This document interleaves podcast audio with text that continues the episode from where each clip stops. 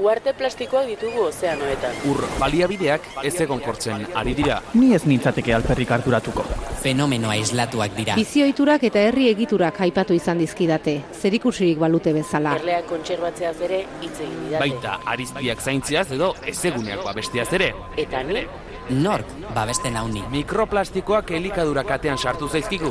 Ez zer ez da perfektua. Bioanistasuna galtzeak atzera bueltarik gabeko ondorioak izan ditzake. Lasaitu zaitez, ez da inbesterako izango. energia erabilerari eta garraioari loturiko isuriak izugarriak dira. Ez du nik erabaki horrela izaterik. Aro geologiko bat markatzeko adinako eragina izan dugu. Evoluzioaren aztarna, arro, egoteko modukoa benetan. Baliabideen erauzketak arrakala sozialak handitu ditu. Zer diozu? Nik ez dut alakorik egin. Eragindako inpaktuak direla eta muturreko fenomenoak ugaritu dira. Nire inguruan ez dut hori sumatu. Euri azidoa bertan da. Bizitzak aurrera darrai. Bai? Ziur, Gelditu makinak. Gelditu makinak.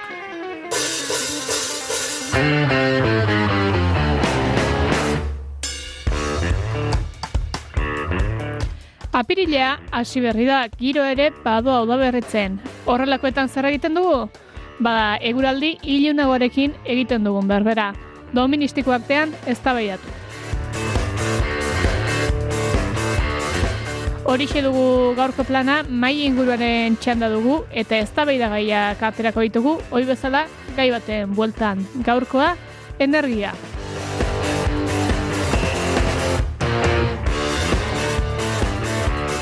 Eta udaberria aipatuta, txorikantua sumatuta edo, pajaro galanta horbilduko zaigu, botak lokatzetan atala izango baitugu, inek izan zazkuerekin.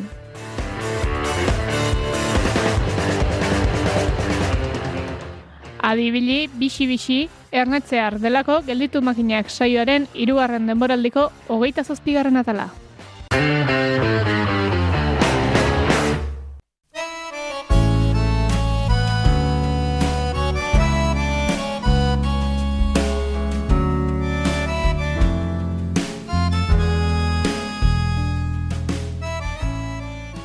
Noizean behin aktualitatea eta gogoetak lotzeko maila osatzen dugu, noizean behin, ibilbide desberdineko hiru pertsona, hiru aditu biltzen ditugu gai zehatz baten gainean, ba, beren gogoetak partekatu eta eztabaida sortzeko. Eztabaida eraikitzailea, esango dugu oraingoz, baina egun hori ikusiko da. Beti bezain prestu agertu zaizkigu, gaurkoan hiru beharrean bi, aitziber sarobe eta jokin aldo zabal, beraz, egunon, bioi. Egunon, egunon. Egunon. Eta gaurkoan energia izango dugu hizketa gai, horrelaxe, orokorrean, energia argindar eta gasa baino askoz ere gehiago delako eta zehar lerro interesgarria izan daitekelako bestelako edozein gai ere lantzeko, baina uste dut eh, aurrekoan bezala sarreratxe bat ere prestatu diguzula, la, jokin?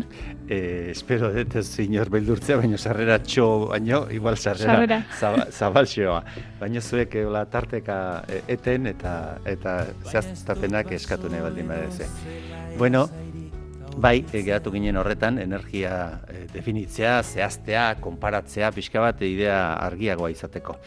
Azteko alperrez, azteko alperrez, zera uratu zaitu. Euskaldun jaturrak e, nola esango luken energia, indarra o kemena edo. Ba, gure aldean behin epein, ezkenuk esango norbait energiko dagoela bizik sasoian dagoela. Eh? Sasoian dagoena ziur dago bere ingurua molda dezakela, mendera dezakela, eta ez duela ezeren beldur izan behar. Hori da neurri batean energiaren eh, definizioa, ez da.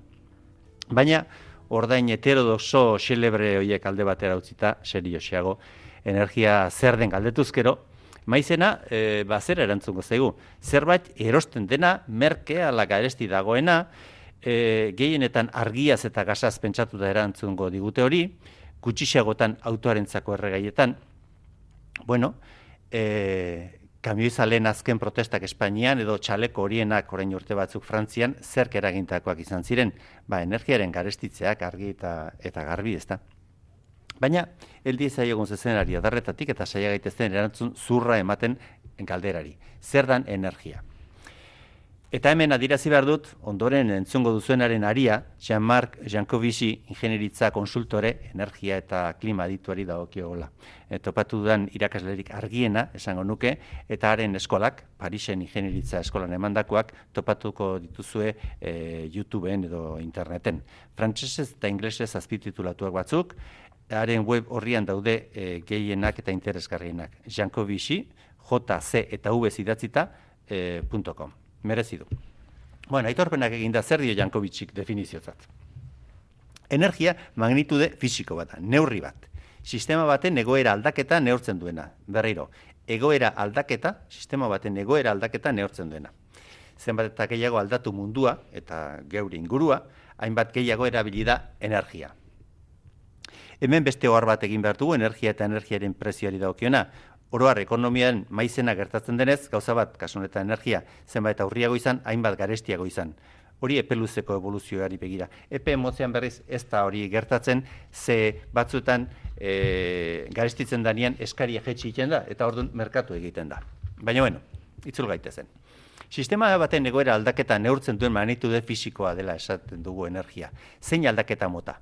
Ba, dibidez, temperatura aldaketa, tximinia batek eragindakoa, e, edo radiadore batek, edo aire egokituak, edo labeak, horrek temperatura aldatzen du. Beraz, e, hori, hor, egoera aldaketa horretan, energia behar izan da.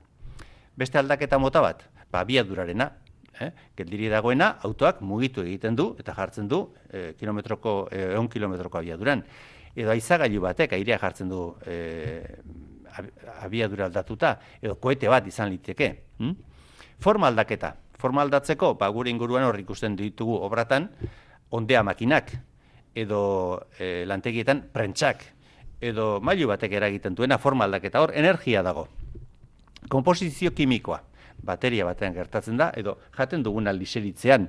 Badiru di gauza e, evidenteak ikusten ari, naiz, ari esaten ari naizela, baina, bueno, pixka bat gogoeta genezake, denetan energia dagoela e, ohartzeko ikusten nahi erraza ez dena, eremu batekiko aldaketa motor elektrikoan, elektrizitatea, magnetismoan hasten dira, gravitazioa da beste adibide bat, eremu aldaketa suposatzen duena, edo beste bat, komposizio atomikoa, eh? zentral nuklearretan gertatzen da, nukleoen osaketa aldatzen baita hor. Hoi, tira, ba, e, energia edo energiak eragindako aldaketa motak.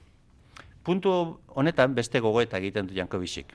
Espainian bezala Frantzian, bada ministerio bana transizio energetikoa zarduratzen dena, izenez behin epein. Baina gizakia beti egonda transizio horretan murgilduta. Izan ere, bosteun mila urtean, well, bosteun, orain, bosteun mila urte sua menderatu zuen gizakiak, eta horrek inguru aldatzeko almen handia eman zion. Lehen jana eta gero erramintak. Geroago, aintzinaroan, energia berriztagarri guztiak erabili izan dira. Egurra, haizea, eguzkia, hidraulikoa, aberen indarra. Horein bos mila urte, sumeriarrek ezagutu zuten petrolioa. Naiz mendebaldean, hain zula, ez, lehen zulaketa, etzen egin e, emeretzi garren mentearen erdira arte. Ikatza berriz, orain iru mila urte erabiltzen zen dagoeneko txinan. Beraz, aro modernoaren ezagurra, ezagarria, ez da energia sistema berriak erabiltzea, bueno, berba da fotovoltaikoa eta nuklearra, aipa genitzake hor. Baizik eta energiaren erabilpen maila handitasun ordenean aldatu dela. Hau da, biderkatu eginda eun edo mila aldiz eh, handiago bihurtuta. Eta hori adirazi nahi dugu eh, orden zifra esandakoan. Eh. Horixe da ezaugarria beraren eh, arabera eh, orain azkeneko bi mendeotan gertatu dena. Beraz, biderkatze hori, bereziki aro industrialak energiaren erabileran eta beraz gure inguruan aldaketa ekarri diguna. Bai, hemen egin izun ekarpentso txiki batein, gero jarraitu dezasun, kontu honekin, hor kontatu dezu, ez? Aro sua e, gizakiok erabiltzen hasi ginenetik gaur arteko alako, osea, ez? Jarrai, jarraipen bat o energian erabileran, bi ideia esan dituzun hortan, uste, ustetelako momentu hontan bertan azpimarratzi interesantia diala. Bat, esan duzun bezala edo zuk esan duzunetik ondorio estatu leiken bezala, energia hori erabiltzeko teknologia behar da. Gero uste horrek, ekarriko digula. Horretan etorriko gara. Ah, etorriko gara. Eta Baina ondo, ondo dago. Eta bi, errelatoa, nik nire etxean, e, esan duzuna, ez, zua eta eta argia batez ere, ez, indarra hor, argi hori nola irakurri dan nik hitzetan mintzat jaso izan dut etxetik misterio modura, ez? Gure txien argila itea piztu eta itzali. Baina argila eotea zu edo esto argik. Eta batzutan jun egiten da. Eta jun ere egiten da. Eta misterio hori, esango nuke, garai aitatik ordainokoa, ez da edo zer gauza. Eta hor ikustea, ez, zuaren zera hortan, esan duzun relato hontan mantentzen dugula hitzetan ere ari hori. Garrantzitsu dalako. Aurrera. Bueno, eh, esaten genuen eh, haren eh, jarraipen, orden zifrak erabiltzea oso erabilgarria da, ez baita beharrezkoa datu zehatzak ezagutzea, ez da beharrezkoa denok zientifiko izatea, baizik eta eh, gutxi gora berako batzuk. Eta aski da, eun edo mila aldiz handiago edo txikiagoa den zerbait, ba, historian bezala, historian ari baldin magara, orain dela, ba, ez dakit, mila eta bosteun urteko kontu bate gatikan, bueno, eskuratze baldin magara, eun urte, igual, ez digute, hola, harrika, harrika ingo, ez da? Hor, alde horretatik, gutxi gora berako horretan. Bueno, egin dezagun aurrera, edo jauzi. Zeren, energia eh, aztu dezakegu eta makinak esan horren ordainetan. Hain zuzen ere, aitziberrek proposatzen zuena. Eta justifika dezagun. Termodinamikaren lehen legeak dio, sistema itxi batian energia kopurua ez dela aldatzen. E, termodinamikaren legeak ikerarri izko bildurra ematen diote jendeari. Zerratik. Ba, ez dakit ulertzen ez direlako edo. Nik oso resumen laburra egiten dut. Lehenbizikoak dio, sistema batetan e, energia e, totala ez dela aldatzen, Bai. eta bigarrenak dio, daukazuen energia hori ez dela aldatzen, baino e, gero eta erabilpen gutxiago eman dizaiokezula. Ge- Gero eta kalidade eskaxagoakoa dela. Bai. Eta kitxo. Bueno, baina bueltatuz. Orain jaulartuko du, jende jaulartuko du, ez? Ba, ala, ala espero dut. eh, Termodinamika, segi. Beraz, egin dezakeguna da, energia dagoen lekutik hartu, generalien ingurumenean, eta erabili geure beharretarako konbertidore baten bitartez. Naturan topatzen den energia horri primario esate zaio eta base ikusiko duzu estatistiketan. Horrela, gizakiaren historian energetikoan, lehenik energia iturriak izan ziren janaria eta neurri txiki batean eguzkiak ematen zion beroa. Gero hasi zen aberen indarra erabiltzen eta baita beste personena esplotatzen ere, esklabuak barne. Aldi beretsuan joan ziren garatzen gainerako berriztagarriak. Eguzkia ez ezik, errotetan urak eragindakoak izan ezik, e, izan naiz, a ber, ahora ondo esate den. Eguzkia alde batetik eta bestetik errotetan batzutan ura erabiltzen zen eta beste batzutan haizea, bultzagarria legina. Eta horrelaxe biza- bizi izan zen gizakian agusiki energia berriztagarriak erabiliz orain dela irureun bat urte arte. Eta hemen, Jankovicik esaten du badakiela, erne, badakiela, euneko eun berriztagarrietarako transizio egin ondorengo bizimodua nolako izango den. Orain dela, irureun urteko alegia. Kontuz. Alegia, berriz ere, bueltatzen baldin bagara, euneko eun energia berriztagarriekin bizitzera, eh, gure bizimodua izango dela, orain dela, irureun urte, urte eh, zena bezalakoxia. Pentsatzekoa da, aintzat hartuta teknologiaren ba, efizientzia hobetu izana eta Bai, baino hor, hor ja beste hipotesitan sartuko ginake, baino, claro, zuk energiaren efizientzia behar baldin bazu, behar duzu energia. Eh? Alegia, zuk energia berriztagarrietan oinarrituta, eta oain beste salto bat egingo dugu, eh? gero bueltatuko gara atzera, zuk energia berriztagarri utxak erabiliz, nola egingo duzu aerogeneradore eoliko eskerga, eskerga oitako bat? Ezin da, Bai. ezin da. Eta hor dago gaur eguneko arazorik handienetako bat, ez? Energia berriztagarrietara etortzeko trantsizio horretan e, beharko litzateken azpiegitura eta antolaketa guztia energia fosiletatik datorrela. Eta hori da egiten den kritika handienetako bat. Eta bigarrengo bat ere oraindik antxe bertan azpimarratu nahiko nuke jokin oso ondo aidalako. Berriztagarriak energia iturriak dira, ez energia hoien erabilerak. Eta nik uste hori da latera behar den ondorio argietako bat. Da, energia iturriak bai, eguzki energia baldin badira berriztagarriak izala izke, baina energia horren erabilerarako baliatzen dugun teknologia hori guztia, ez da berriztagarria. Eta nik uste hor jartzen duela muga jokinek. E, eta aurrera egin baino lehen, beste inziso bat neuke egingo dut, hemen tanok egiten ari gara. Oso ondo. Alegia, begira, ze moda, moda, eh, dagoen momentu honetan, eh, zera, eh, eguzki, Panel, eguzki bai. plakak esaten dute. Eguzki modulo fotovoltaikoak dira, edo eguzki eh, eremu fotovoltaikoak jartzeko. Zenbat, zenbat, zenbaterainoko moda dagoen, eta zenbateraino saltzen diguten hori transizioaren giltza baliz bezala. Galdera, zenbat energia fosil dago enterratuta horietako modulo fotovoltaiko batean. Eta gainera, ikatzetik et, etorritako energia. Eh? Ez, ez, ez gaine ez petrolio eta ez gasetikan. Bueno, hortxe utziko, et, aurrea? Bai, bai. Oso Historian aurrera eginda, iruren urtetik ona, naturan zen energia, berezik energia fosila aprobetsatzeko modu berriak asmatu ziren. Lehenik ikatza, gero petrolioa eta gaza. Eta asmatu zirenak, hor, eta hemen dat- gatoz horretara, metalezko makinak izan ziren. Mhm. Era, askotan, mak, era askotako makina metalezkoak. Horregatik esaten genuen energia hitzaren ordez makinak hitza erabili genezakeela. Horrela energia kontsumitzea esaten dugunean, guk ez dugu bat ere kontsumitzen, jana ezpada. Energia kontsumoa da bereziki makinak erabiltzea, makinak manejatzea, makinak gure exoeskeleto bihurtu baititugu inguru aldatzeko. Eman dezagun, begira, e, keinu harin oiko bat, kamiseta bajaztea. Bale. Zenbat makina behar izan dira zuk kamiseta hori jantzi ahal izateko? Gauza asko utziko ditut e, zera, kanpoan eta aipatu gabe, baina batzuk aipatuko ditut. Ipatu. Kotoinoziak ontziratzeko makina. Aziak garraiatzeko makina. Aziak ereitekoa. Ongarria botatzekoa. Erregariatzeko punpaketa sistema. Pff, Berazen badan hori. Biltzeko makina. Garraioa beti tartean. Bata eta bestearen artean beti garraioa izaten da. Zuntzak landu behar dira gero. Bildu ondoren. Euna egingo duen makina. Ebakin behar da. Josin behar da. Tintatu egin behar da. Imprimatu egin behar da ontziratzeko makina bat, garraiatu berriz ere tarteka, denda eraiki, edo denda digital antolatu, kobratzeko makina, persona edo makina, hori kotoinezko baldin bada kamiseta. Sintetiko baldin bada, bidea beste bat izango da, petroliotik abiatuta egindakoa. Makina bat lan, eta, habe nola esaten duen hau, hartzeren poemaren itxura emateko, e, makina bat lan, eta makina bat, makina lan, kamiseta jantzi ahal izateko.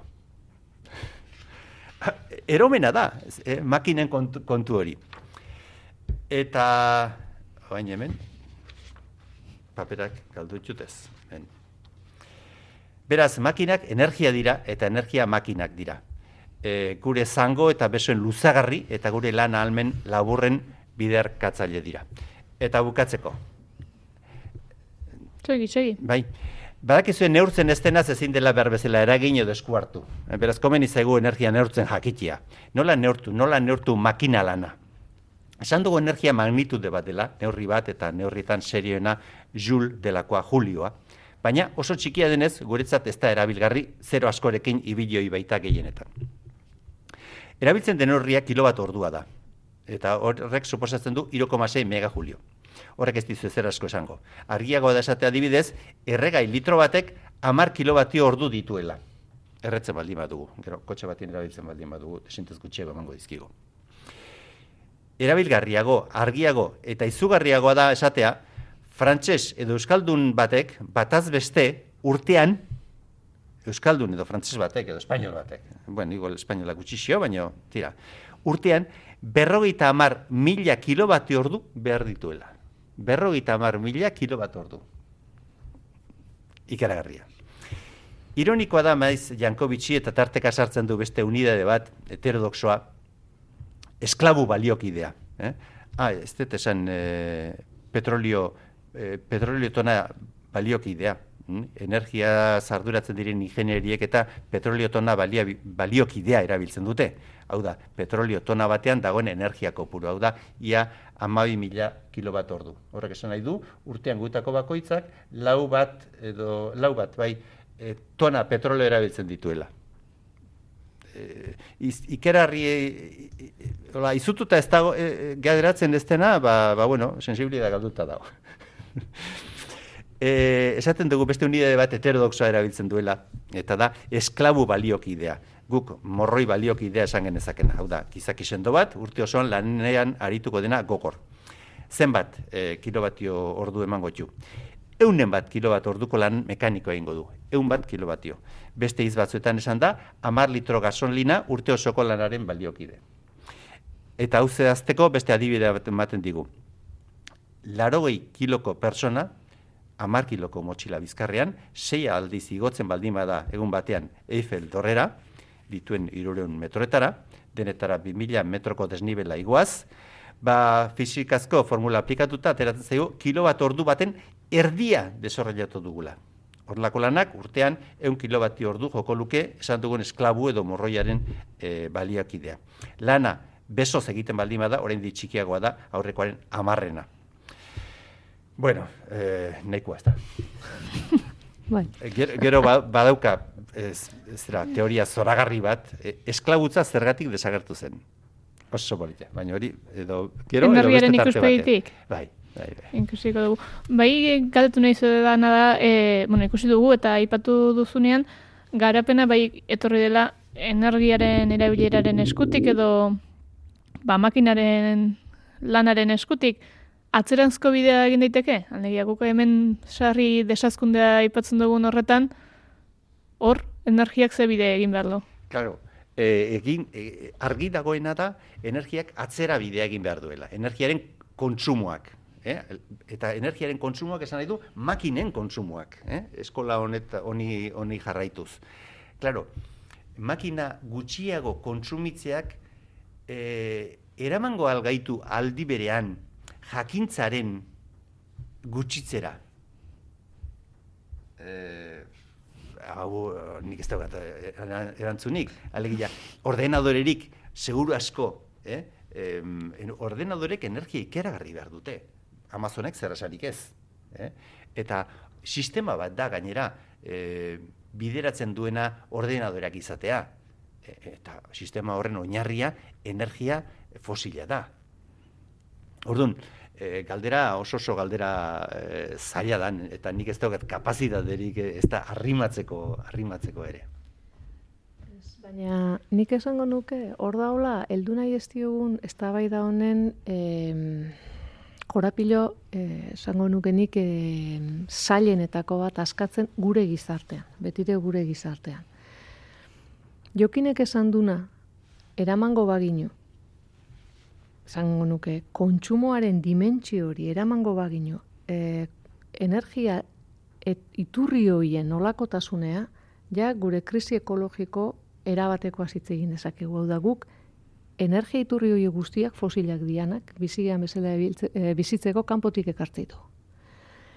Eta ez dakau aukeraik hemen.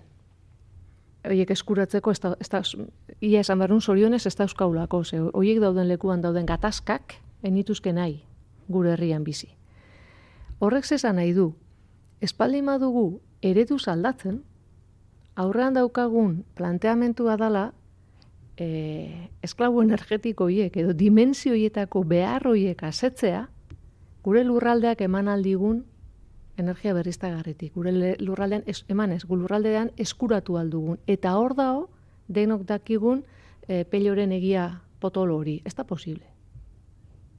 Datu gutxi atera eta atera daiteken ondorioa da. Ez da posible. Eta horren jabegorik uste ez dugula gizarte bezala hartu nahi. Ez dugu energia fosilik eta ez dugu ekoitziko. Daukagu Europako batazbesteko energia kontsumoaren batazbesteko baina handiagoa. Eta populazioa gure dentsitatea da, konparazioz, Europako hiriena baino handiagoa. Hau da, baldima da batez beste irurogeita bat kilometro karratuko, pertsona, gu bizigie Gipuzkoa eta Bizkaian, eta araba juntatuta, bosteun digora. Hori da gure realidadea. Eta alare, ari gara energia ordezkaritz, orde- ordezteko nolabaiteko parametroietaz hitz egiten. Ari zara Europako kontuak esaten, eta e, Europaren aldean, guk Euskal Herrian, populazio handi gila daukagu, baina beste alde batik, inun, baino energia baliabide gutxiago daukagu, ez daukagu ikatzik eta ez daukagu ezerre, eta gaina mineralik ere ez daukagu, orduan, Bai ba. Eta hor da, e, leheno esate zenduna, ez? E, atzera egiteko hori. Nik uste, ez dakizen ba denbora daukagun ez da hori mantentzeko, baina hor da hola koska. Zergatik, hainbeste jendein lurralde txikian izan da, gure lurraldeak ez du ematen gu elikatzeko ere. Orduan, argi dao, industrializazio maila bat mantendu behar dugula populazio hau biziri mantendu nahi baldin badugu. Zerbait egon behar, industria motan bat edo esan nahi dute e, bakarka, e, nik uste industria, industria maila bat mantendu beharko dugula ikusita zenbat jenderentza zelurralde gutxi daukagun. Karo, koska da... Populazioa espaldin bada gutxitzen hori da beste, drastikoan. Ba, hori, hori da aipatu nahi enuna. hori latza dalako. Ban, hori espadatera bidea, aige hitzeiten mm, behar dugula, edo ematen du behintza, mantendu beharko dugula industria motaren bat. Eta ez dakigu, ez gehan hitz egiten hasi da, eta ni neu ere enaiz e, hortan aditua, eta enaiz inor seguru asko meloi hori berda mesela, ez, irikitzeko, agian lartzeko, eh? baina irikitzeko ez, ze nolako e, industria behar industriaruntz abiatu behar dugun, hau da, daukagu industrializazio maila oso gorena, eta ematen du, ez toki edo agertoki e, zentzuzkoena dela, hori eraldatzen astea, gutxienez, energia kontsumoa gutxitzeko. Eta hor da, niretzat, e, ez dakit, e, iriki nahi estan ez bai da, mantendu nahi ez dena, edo nik inun ikuste ez dudana, eta eskatuta ere, inok ez duan muari heltzen. Konforme. Orun, e, eszenarioa, e, gero eta laskarriagoa izango da, zenbat eta beranduago egin alto. Hoixe da bakontua, hmm? Hori da esaten ari gatzaizkiguna beste e, pentsalariak, hontan da biltzanak, kolapsoa hitz egiten dute. Beraz, orain bertan, e, egiten baldin badugu, e, energia konsumoaren gutxitze drastikoa, ba, eukiko dugu energia fosil desente, ze indikan asko dago, eh? eukiko dugu energia fosil desente e, transizio egiteko, eh? eta ondorengo, ondorengo nola esango dugu fase horretara, eh? e, iristeko modu dignoan, nola hori ba, hori ba, edo ordenatuan, ordenatua ulertuta, gatazkari gabe, edo gizartea eraman gabe, horrelako e, batzu behintzat irudikatzen ari diren, e, enfin, e, gobernu eta eta bizibide eredu sailetara. Ban, hemen da, okoizka, e, no, nola, hau da, honetan, arduran ere ustez ari dira jartzen, erantzunkizunia txikienia daukan e, horrengan, esan nahi dut. Industrialaren eraldaketan, banakoak, individuoak, ezer gutxi daukagu egiteko. Eta enpresa hundiei etzaile inolako responsabilidaderik eskatzen, eta uste zaie negozio egiten berdin-berdin jarraitzen. Baina hor badago bestalde batez, e, industriak, bai, eta industriak hitz egiten dugu zerbait e, materiala baliz ezala, baina hor langile morloa dago, eta trantzizio hori egitekotan, eta industria horrek energia askoz gutxiago kontsumitzekotan, lanpostu pila bat gaur gaurkoz mm. pikutara joango dira. Nik ez dut behar bezala ezagutzen, baina gustatuko litzai dake gauza asko ezagutzea, kubako periodo espezialaz. Bai, bai, hau ba, beharrak eragintzun aura, baina ez dakit beste gizarte bat eta beste eredu bat nik ere irakurri duan apurra batez ere hirietan gertatutakoaz, ze han landa ere muetan eta ez zuten e, energiaren gutxitzearen alako e, premiarik bizi izan eta materialki ere gure aldean uh, askoz baliabide gutxiago zituzten. Han han zehaztasunez nire ustez aztertu beharreko praktika da hirietan gertatu zena. Eta gauza oso oso oso interesantea gertatu ziren. Eta badago gako bat nire ustez guzti honetan han ere gertatu zana eta hemen ere heldu nahi etzaiona individualizazioaren eta gizarte individualista honen oinarriak ez ikutzeko. Ta da komunitateen sorrera eta garapena. Kuba auzo auzo antolatu zen autosufizientziari begira hirietan ze baliabide zituzten aztertzeko. Mhm. Eta horri ere menetzaio heldu nahi. Hori da beste puntu bat alegia hiriak ezin dutela hiri izaten jarraitu, herri bihurtu behar Bai ba, ez orain ulertzen ditugun bezala, materialen eta energiaren sekulako putzu iluna dia, sumideroak, badakigu, neurtuta dao, eta ere jarraitzen dugu eredu hoiek, hirietarako garapen eredu hoiek sustatzen gurean ere, eh? AHTA dela, hau edanak, azpigitura hau edanak, daude pentsatuta, jende asko pilatutako eremuetan sortzen diren beharrentzat. Eta atzerapena da, dagoeneko ja. Eta ez dago modurik honi atzera egiteko. Eta ni hor ikuste ditut, eta berriro esangoen niretzat, trantsizioaren ardurak ez daude behardan bezala kokatuta. Banakok, individuok badugu gure eguneroko e, kontsumoa gutxitzeko ardura eta asko egin dezakegu horren mesedetan, baina industria bere osotasunean hori ez da banako bezala e, kudeatu dezakegun eremu bat. Hor, bestelako erabakiak behar dira eta bestelako ereduak sortu behar dira gizarte batek hartu ditzan bide zuzenean, bueno, hartu beharreko neurriak, baina behar ditugu ereduak, nik, nik uste eta adibide bezala badaukagula bizi izan dugulako eta nik ala ulertzen ez eta gero ez eragiten ditu da, baina nik hau lotzet ondakinekin gertatu zenakin gipuzkoan. Hau da, jende asko eta asko ondakinen arazoaz konturatu zen, supermerkatuetik etxera jun, eta hiru edo lau zaborpoltza ezberdin pilatze zitu nian. Karo, eredu bat sortu zan horretaz ohartzeko, zan etxezetxeko harreta, o etxez marreta, etxezetxeko zabor bilketa. Horrek behartze zintun, gutxi edo gehiago, e, zaborra bere iztera, eta horrekiko ardura hartzera. Orduan konturatu zan jende asko, ze arazo zan ondakin, e, ze arazo zian ondakinak. Bitarte horretan bai, entzun entzutezu, baina, klaro, gargantua bat jartze baizue, hor usurbilen jarri diguten hori bezalakoa, edo eta botatzen baldin maituzu jakin gabe, gara hartan bezala, nora, jute zian, karo, bai. E, zangoen nuke zabortegiak zeuden herrie, ba, zekiten, nora joatezan zabor hori guztia, beste guztiak arduratu ere ez. Baina etzegolako eredu bat ere horretaz ohartarazte zintuna, behartze zintuna. Eta nik usteet, hoiek diala administrazio bati eskatu behar zaizkion ardurak, ereduak sortzea. Energia sorkuntzari dagokionez badago eredurik zaborren kontua zare ginelako, baina askotan aipatzen da ez, ba, orain gainera eolikoekin eta sortu da, berriztagarriak bai, baina horrela ez, Lon, beste aldera egindakoan, berriztagarriak bai, baina nola bai, zer nahi ez esan jokin? bai, alegia, e, gure transizio energetikoa egin ondoren, ikusiko duzu ze zabor gutxi gatzen den. Bai. Oso oso bai, bai, zabor bai. gutxi izango da. Eske, bai, bai. eske ma, makinek eraginda, eragindako e, zabor kantitatea ikeragarria da. Bai. Eta transformazioa egin ondoren, ikusiko duzu ze bai. gutxi, barkatu.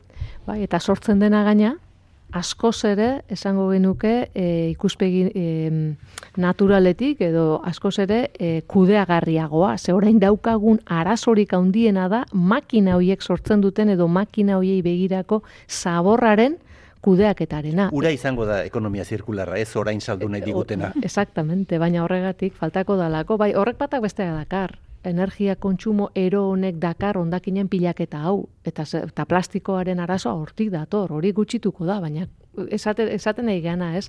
E, gutxitu behar badu olako kolapso batetik ba arazoa potoloa da. Bueno e, ja pixka bat bai. E, gaur asunto beltza beltza ikusi dugu. Baina bera e, pentsatzen dugu hori da e, jendea e, zehatzen jubilatzen da nian bezala xe. Pentsatzen dugu, gero berdin jarraituko dugula. Eh. Lengo osasunarekin eta mm, ez da izaten. Eta orduan, orain pentsatzen dugunean transizio ondorengoan, pentsatzen dugu gauzak berdinek izango direla. Yes. Ba ez, adibidez, transizio egin ondoren, biodiversidadea errekuperatu gabe segiko du. Eta horrek zer esan nahi du, jana lortzeko e, nekea ondile izango dugula. Ze biodiversidadea eta janaren e, lortzea oso lotuta daude. Eta zer gehiago, e, klima aldatuta egongo da. Horrek esan nahi du, guk imaginatzen dugun energia berriztagarrien erregimena, haizearena, urarena, e, guzkiarena, berdinak izango direla. Ta ez! Haizearen erregimena aldatu egingo da. Beraz, ezin izango dugu e, modu nolabait orain artekoan erregularrean aprobetsatu. Uraren, eurien erregimena aldatzen ari da. Beraz, e, izango ditugu lehorte aldi handiagoak gutxienez, eta geho ugoldeak. Beraz, en, energia e, berriztagarri horiek ere oso, oso baldintzatuta geratuko dira. Orduan, da, e, Alde horretatik zu, e, aitzi behar badukazu zer esana, biodibertsitatea, aipatu denez gero, energiarekin zenbateraino da kontra jarria? Era bat, gaur eguneko planteamentutan hori da kontrasan absoluto bat. Nola ari diren planteatzen. E, ez dago, esan nahi dut, energia e, jatorri fosileko energia hauedanak ordezkatuko ordezkatu nahi baldin badira energia berriztagarria iturri duten beste energia hauen gandik, horrek eskatzen du lurraldearen erabilera bai ala bai. Intensidade eta e, koizpen maila hortara eramateko eta Euskal Herria hitz egiten ez, baina mundu mailan berdin berdin, guk ez daukagu lurralderi biodibertsitatea ezagutu dugun eta momentuz dakigun hau inolaz ere mantentzeko. Hortik etorri izan kopa aurreko e, abenduan egindako e, bilera hortan Kanadan hartutako erabakibitakoak erabakibiek hortik etorri zian. Esatetik eta ikustetik zerren bilagoa zen edo zea ari garen irudikatzen. Haneskatzen lurraldearen bueno, lehorreko eta itsasoko e, azaleraren euneko hogeita amarra kontxarbatzea. Tokitan gaude. Karo, baina ere esera horiek jarrita, ez, neurri horiek edo konpromiso, mundu mailako konpromiso horiek hartu ostean esaten da. Eta orain, gobernu bakoitzak aurkeztu dezala bere e, estrategia horri begira. Ni gure, gure agintari begira jartzen naiz. Hau daukaten pentsamenduarekin horrekiko, hori ezinezkoa da. Ez da eta baliostatzen, eta gaina horrek arazo etiko eta morala handia dakar, eh? Zen bat, nahi dut, e, logika da guk kaltetzen ditugun e, ekosistema hoiek berreskuratzeko gainako inbertsioak egingo ditugu. Hori da logika, logika monetario edo diruan, baina inbertsioak nun? Eta inbertsioak nola? Zer nahi dut, ekosistema batek, guk hortaz gutxi hitz egin dezakegu ez daukagulako, guk ez daukagu ez baso primigeni hori, ez daukagu benetan horrelako ekosistema esango enuke gizakiak eraldatu gabekorik Euskal Herrian, ez dau? Gure guztiz antropizatutako herria bizi gara, baina oraindik Amazonian beste leku batzuetan badaude beti ere hor da bizkigun diskurso hoietan. E, Zan nahi dut, bizitzaren historiaren ainako e, garapena izan du ekosistema hoiek gaur ezagutu ditugun bezala ezagutzeko bilakaerak. Hori ez da gizakien eskalan gertatzen den zerbait, zenbat balio du behin hori izurratu duzunean hori berreskuratzeko kalte ordainak. Hor sartzen gara alako, osea, kustio monetario eta, baina hori guztiz fiktizioa da. Horrek naturaren, e, ez dauka esan airik, naturaren e, logiketan eta naturaren prozesuen izaeran. Hori da guk nolabait ekonomia terminoetan, azken urte hauetan eman diogun balio bat, baina guk lurralde bat kalte, hori da lurrarekin gertatzen egun hemen. Urteak damazkigu e, monolaborantzan oinarritutako basogintza intensiboaren eraginak salatzen, salatzen gure eskura dagoen modu guztitara. Galtzen dena, ez talako bakarrik hor lehendik e, galduta zegoen, baina bueno, berez izan beharko lukeen baso horren egiturak eta zuaitz espezie terminotan hitz egin da. Galtzen dena da lurraren emankortasuna. Eta lurraren ontze prozesua ez da gizakiaren eskalako zerbait. Lur, sentimetro bat lurrontzeko postuen bat urte behar dira. Eta guk matarrazan botatzen dugunean galtzen ditugu, zesikaren estimazioak dira, lau mila bosteun milioi tonela da hektareako urteko gipuzkoan da bizkaia. Hori da galtzen ari garen, bizitza. Karo, e, kalte ordainak, hori e, zeratzeko kalte ordainak eta bai, e, e, berriro landatuko ditugu e, espezie berriekin, bai, bai, zu landaketa hori ingozu, baina lur hori ezin duzu ondu. Hor, hor zer monetarizatzen dugun, zer, zer dan nolabait e, ekartzen duguna gure merkatu terminoetara da guztiz, bueno, ba, e, gauza ondo, baina ez da, ez dator bat, eta hori da galdera. Galdera da, zenbat, e, gure habitat, biodibertsidadea zenbat e, kaltetu, edo zenbat espezie galdu ditzakegu, eta zenbat ekosistemetako berezko funtzionalidadea erekitzen duten harreman horiek kaltetu ditzakegu, geure, geure biziraupena bera, eh? jokoan jarri aurretik. Covidak abisu txiki bat eman du, baina horrelakoa jaso ditzakeku bata bestaren atzean. Eta astu dugu, dena urrutzi dugu, horren menpeko ez bagina bezala. Ez dugu ez darrikasi, darruinen irakuspen, irakaspenik ere ez.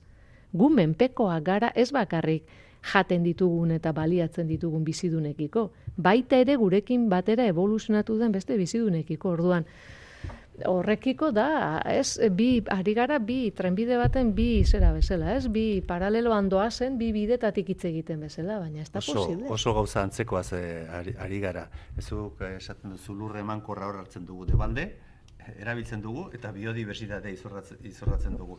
E, beste alde batetik hartzen dugu energia, hartzen dugu lurretik, energia fosila erabiltzen dugu eta klima ondatzen dugu. Bai da.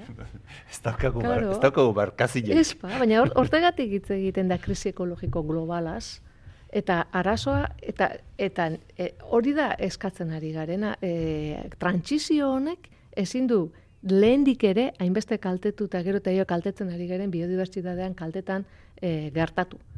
Ez bakarrik e, gure begiratik, gaina injustua dalako, ze gehien kaltetzen dituguna dira gutxien aberazten diren edo teknologia gutxien garatzen duten herrialdeak, hori batetik, haiek kentzen diegu, estraktibismo gutxian gabiltza, arajun hartu ekarri eta erabili eta hor konponda gaina ondakinak aiei bueltatu, hori aspalditik ere hori luze itzen daiteke hori beste, beste saio oso baterako da, zor ekologikoa eta bueno, hori zenbat.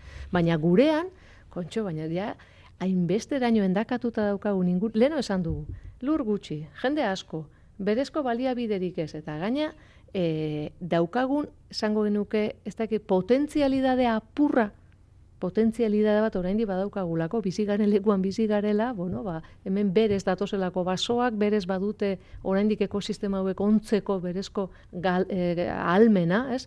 Gaina hori ere kaltetu behar dugu, orraino jo behar dugu, ba, ematen du hori ja dala, ez?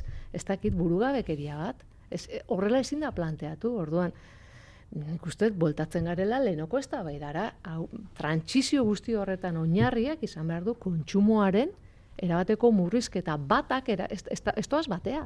Ezin dia planteatu, kutsituko dugu eta bitartean energia sortuko du. Ez, ez, ez, ez, ez. Eraman behar dugu energia murrizketa muturreraino, eta gero ikusi zertarako, et- eta batera, eh? baina esan ekoizpen terminoetan murrizketa muturreraino eraman da hasi gaitezke agian, zein den gure teknologia maila edo gure industria maila edo hitz egiten, ze egoera gordina da. Ba, ni uste soberandu gabiltzala hortan. Baina jokinek esan du, eh? ez genuke erori, erori ber tristuran eta ezintasunean eta ez. Hasi beharko ginuke pentsatzen beste bizimodu hori mat, izango duena kontsumo material eta energetiko Eta txikiagoa, irabazi litekeela. Nola, eta karo, irabazi nolako litekeela izango da? Irabazi genezakela. Asko gaina, Hmm. Ni uste hor asko dola irabazteko. E, bire, bire e, okerra daramagula ematen du, eta e, postun nago orain gutxi entzuteak, ba, ez dakit uste hor e, urolaldeko e, errota hoien kontrako mugimenduko kideren bat zala, esat, esaten zuen, ba, ez dugu nahi e, mendiak industrializatzea, aldi berean espaldi da kontsumoaren murrizketa planteatzen, ezta? Eta horrek postu ninduen, eta bueno, e, politiko batzuen ahotan ere pixkanaka entzuten e, hasi gara. Bai. Behan du xamarra izango da, baino, bueno, ongi etorri ja izan bedi. Bueno, ongi etorri izan bedi, nik uste kontsumoaren murrizketa horretan ondakinekin gertatu zena, askotan juten naiz eredu horretara, gustatzen zaidalako hainbat gauza gertatu ziena garai hartan, ez? Astea, gizartea pentsatzen, nola sortu ondakin gutxio, ba, gurea berdina da, hasi behar dugu pentsatzen, energia gastura garamazkiten jarduerak nola ordezkatu bestelako jarduerengatik. Hori da nik uste, hasi behar duguna pixkana pixkana pentsatzen. Errazionamendua. Ez bai, eta nola, nola antolatu berriro gure gizarte hau, ba, beste eskala batian, beste modu batera, ez behar geure aixialdi esate baterako, edo lehen esan dugun behar hoiedanak, eseoteko hain energia eta materialen kontsumora bideratuta. Diozuenean, hasi behar dugu, irudikatzen duzue lekuren bat, e, kolektiboren bat, e, izan behar dute ba, Eusko Jaurlaritzako politikariak Ez, izan behar dute, herri Bueno. mugimenduak izan behar dute. E, politikarien zai ez da goterik, Zai, eh? Ez da goterik, ze beren e, kargua, e, karguak e, eramaten du nahi nahi ez, PIB-a hazi behar izatera. Eta e, PIB-a azte espaldin bada, edo barne produktu gordina, gordina azten espaldin bada, ez dira zergak biltzen, zergak biltzen espaldin badira noagoaz.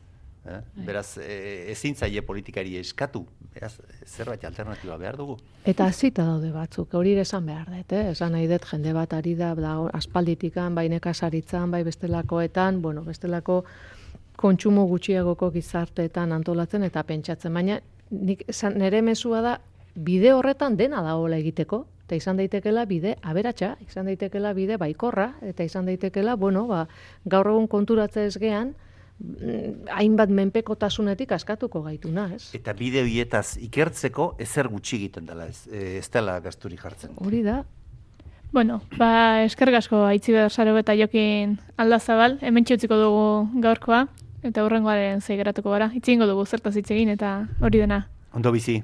hori da, onde bili. gelditu makinak. Botak lokatzetan, Iñaki Sanz azkuerekin.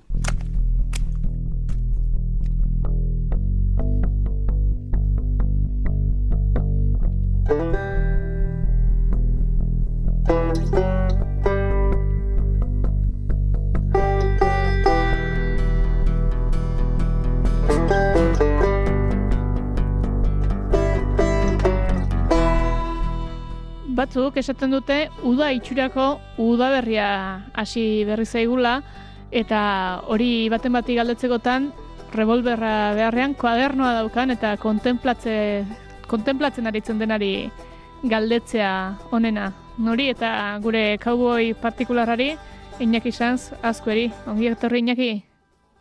Eixo ele, eskerrik asko. Tira egia alda, udaberria hasi dela eta txori kantua eta sumatzen ote gabiltzan. Konta iguzu, ala alda, zerrati da horrela? Bai, bueno, nire kasuan mentzat ni esan ez du, bezala errebolberrik ez daukat eskuan, baino belarriak nahiko fina ditu gauza horietarako eta eta bai, bai, sumatzen hasia gaude txori kantu desberdinak, hainbat txori ere bueltatu zaizkigu, eta orentxe gozatzeko momentuan gaude, hemendikan datozen hilabete honetan. Bueltatu, nondi bueltatu zaizkigu ba? Bueno, batzuk eh, hegoaldetik etorri zaizkigu, eta adibidez ba esaterako atzo bertan sumatu nun dagoeneko txirriskila izeneko txori txiki eta bizi bat, ba kantuan ari dela etxe etxeetako antenetan egoten da sarri edo eta baita ere pinuen puntetan edo arbolaren adarran puntan eta bueno, txirriskila bada esate baterako atentzioa ditzen duen horietako bat eta nire kasuan ba udaberriaren etorrera adiazten ditenetako bat, ez? Ez naiz bakarra, eh? E, ba, Hauzko ondarean ere jasota jasota ditugu ba, txirriskilari buruzko kontuak, ez? Kantu politia daukala, edo eta kantu politia bizi-bizia, eta aipatzen dute ere, eh? Horago nota fin eta azkarrak egiten ditula, klaskateko bat, pentsa, ze zorroztasunakin entzute Bai. zituzten batzuk txorikantuak. Bai, izen horrekin oso txorrotxiolaria edo dela esan gentzake, edo ala dirudi behintzat, txirriskila badu Bai. alako sonoridadea ere.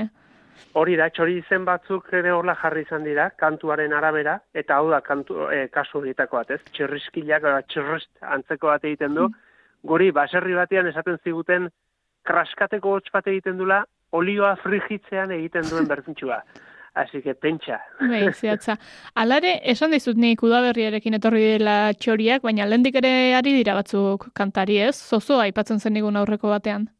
Bai, aurreko elkarrezketa batean aipatu genuen, zozoa txor-txor zebilela, eta bere txistu soinuarekin goizetan eta gaualdera entzuten genula.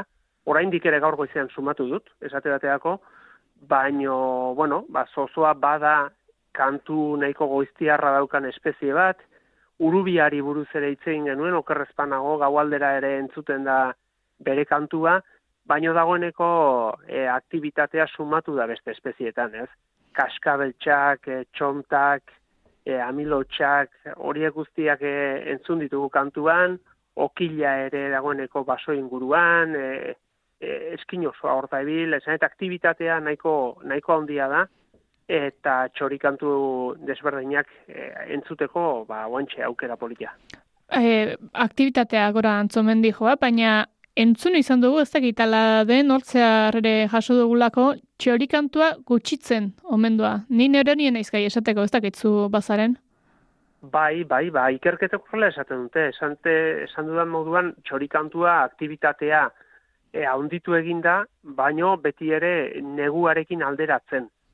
Aurreko urteekin alderatuko bagenu ordea, ba, badago esate baterako ikerketa bat oso interesgarria, 2008 batean erresuma batuan egintzena, East Anglia Unibertsitateak egindakoa, utakoa zala, hau da, lagino oso handia, eta hortik ondorio estatu izan duena da, ba, kantuak gero eta isilagoak direla, eta gero eta homogeneoagoak direla. Ba, hori galtu behar nizuz, ea kopuruan aldatu den, e, txori gutxiago dagoen eta orduen soinu gutxiago, edo euren kantua aldatzen doa zen. Ez, e, aipatzen duenangatik, ba, espezie ugaritasunak eta beraztasunak, e, claro, horrek eragin zuzena du. E, bi, bi eremu horietan ugaritasunean eta beraztasunean galerak egon dira, biodibertsitatearen galerak e, egiten duna da, ba, ba, kasu honetan txorien galera ere, eta horrek zuzenean eragiten du ba, ba, txori kantuen e, ez bakarri pertsepzioa, maizik eta kasu honetan datuetan oinarrituta dagoen horretan, ez? Hau da, jaisten ari direla txori kantuak, geota isilagoak eta homogenoak direla. Eta hori nabaritu daiteke, Iñaki? Bueno, nabaritu daiteke, ba, ba karo, gazteadan batek beti esaten dugu, ez? Badagola pertsepzioa norberak daukana jaio zenetikoa, ez? Hmm. Alegia, oain dela marrute jaio zen, ume batek, ba, bere oain urte gutxi edo orain entzuten duna antzekoa da. Baina badaukagu kasu berezi bat, eh, Hernani inguruan, Santa Barbara inguruko e, pertsona batek kontatu ziguna, ez? Arek eokiko zituen dagoeneko e, ia eun urte, eta pentsatu behar dugu beti, ba, baserri berean e, bizitakoa zela, baserri berean ia egunero bertan esnatuko zena, eta ark behin eta berriz errepikatzen zigun, e, ua garai batean zetzuna, hau paradisu hauen esaten zigun, ez? Hemen txori kantua goizero izaten zan ikaragarri. Eta orain berriz orain berriz esaten zigun ba asko jetxi zara. Eta ordun, bueno, nabaritu daiteke ba kasu horretan ikusi bar dugu bazala pertsona bat txorizalea, bazala pertsona bat beti leku berean bizitakoa eta ordun arek zaukan erreferentzia ba beste gainontzekoena baina asko zobegoa zen. Hmm. Bada, badude beste belaunaldi batzuk agian gertuago egon direnak horret bertatik eta lehen ere aipatu duzu, ez? Ba, nola zezeaztasunez aipatzen zuten, baz, olioa zartarian sartzen zenean egiten zuen soinu bere egiten zuela, eta hauzkutasunean eta gorle alda, gorle, bueno, ez da galdera, gorle direla badakigu, baina ze, zer ekarreko zen eguke hortik? Bai, hauzkotasunean dudari gabe egaztiek eta txoriek izan dute leku, leku privilegiatu bat esango nuke ez da. Beti izan da e, txori kontua etxeetan oso sarri, kasu batzuetan, ba, e, egatik, e, gauzak dian bezala, iztariak zirelako, eta horrek txikitatik egarri zielako zaletasun bat, egia da ere txori kabibila biltzea, edo txori garrapatzen ibiltzea zela garai batean ene aixi aldearen parte bat, pentsatu behar dugu telebistari gabeko, eta gaur egun ditugun pantailari gabeko bizimodu batean, eta entzun izan dugu ere, bai, igandetan, orain dara gutxi arte behintzat, etxe batzuetan ere, ba, bazkalo osteko arratsalde lasaioetan txorikontu eta zitze egiten zuenik, ez? Bueno, e, badago zer hitz badago jendea eta horrela ikusi dugu eun espezie, eun txori espezie inguru ezagutzen zituna, bere bertako izenekin, etxori bakoitzaren biologiarekin, nundi nora mugitzen ziren, zer jaten zuten.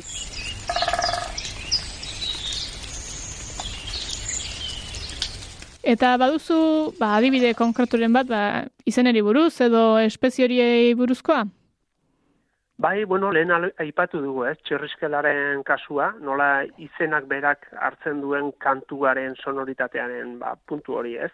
Eta, bueno, horre, ezagunen artean ere, badaukagu, orantxe bertan, sare sozialetan ere, entzun dut, eh, jendea ari dela esaten kukua badatorrela edo etorri dela, ez eta kukuaren izena ere ba, ba, bere kantutik etorriko litzateke, baina ez dira bakarrak, eh? hor badia pinpina esate baterako, eta gero bada e, kuriosidade oso berezi bat, dela txonta arruntaren kasua. Txonta arruntak esate baterako hernanin izen desberdina ditu, txortintxa izan daiteke bat, eta beste izan daiteke adiez pintxana, bai?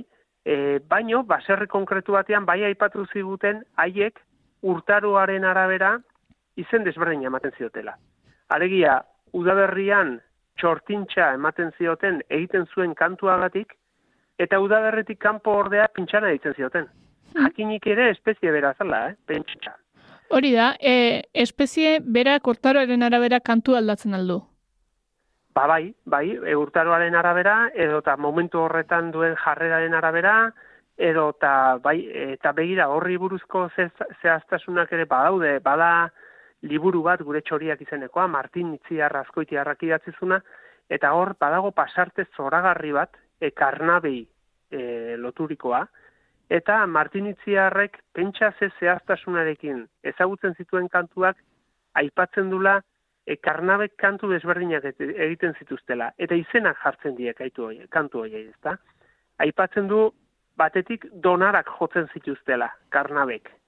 Hau da, udaberri inguruan, sortzi amar donara edo jotzen zituztela. Baina gora aipatzen du, hilarak ere bazituztela, hau da, kantu luzeagoak.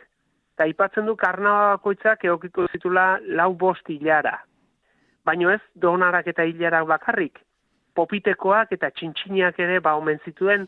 Orduan, be, ikusi behar da ere momentu bakoitzean dala azaltzen du, momentu bakoitzean kantu bat daukala, eta kantu hori ere aldakorra izan daitekela, eta urtaroaren arabera ere aldatu egin daitekela. Orduan, bueno, e, ikaragarria da txori kantuen mundu horretan dagoen e, ezagutza edo egon dena kasu batzuetan, eta bestetik nola mundu berri bat sortzen da, ez? Gero eta gehiago ezagutu egaztien mundua, orduan eta gauza gehiago irekitze zaizkigu. Ba, ba hori lujo bada, eh? Zenbat eta gehiago murgildu orduan eta sakonago da dela ikusteak, ba horretxekin itxiko dugu. Gure gaurko donara dituko diogu edo hilara izango da gaurkoa. bueno, ez dakit luze jundan, luze jun bada hilara beharko luke, bestela donorakin.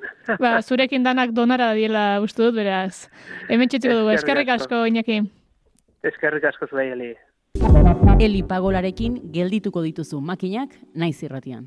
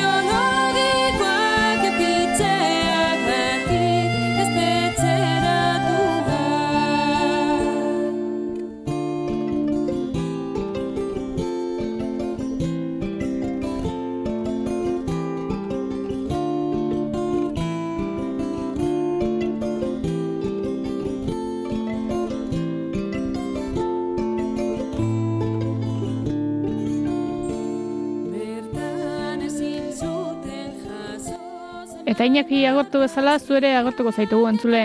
Urrengoan, geixiago izango dulakoan, ongi ibili eta lastar arte.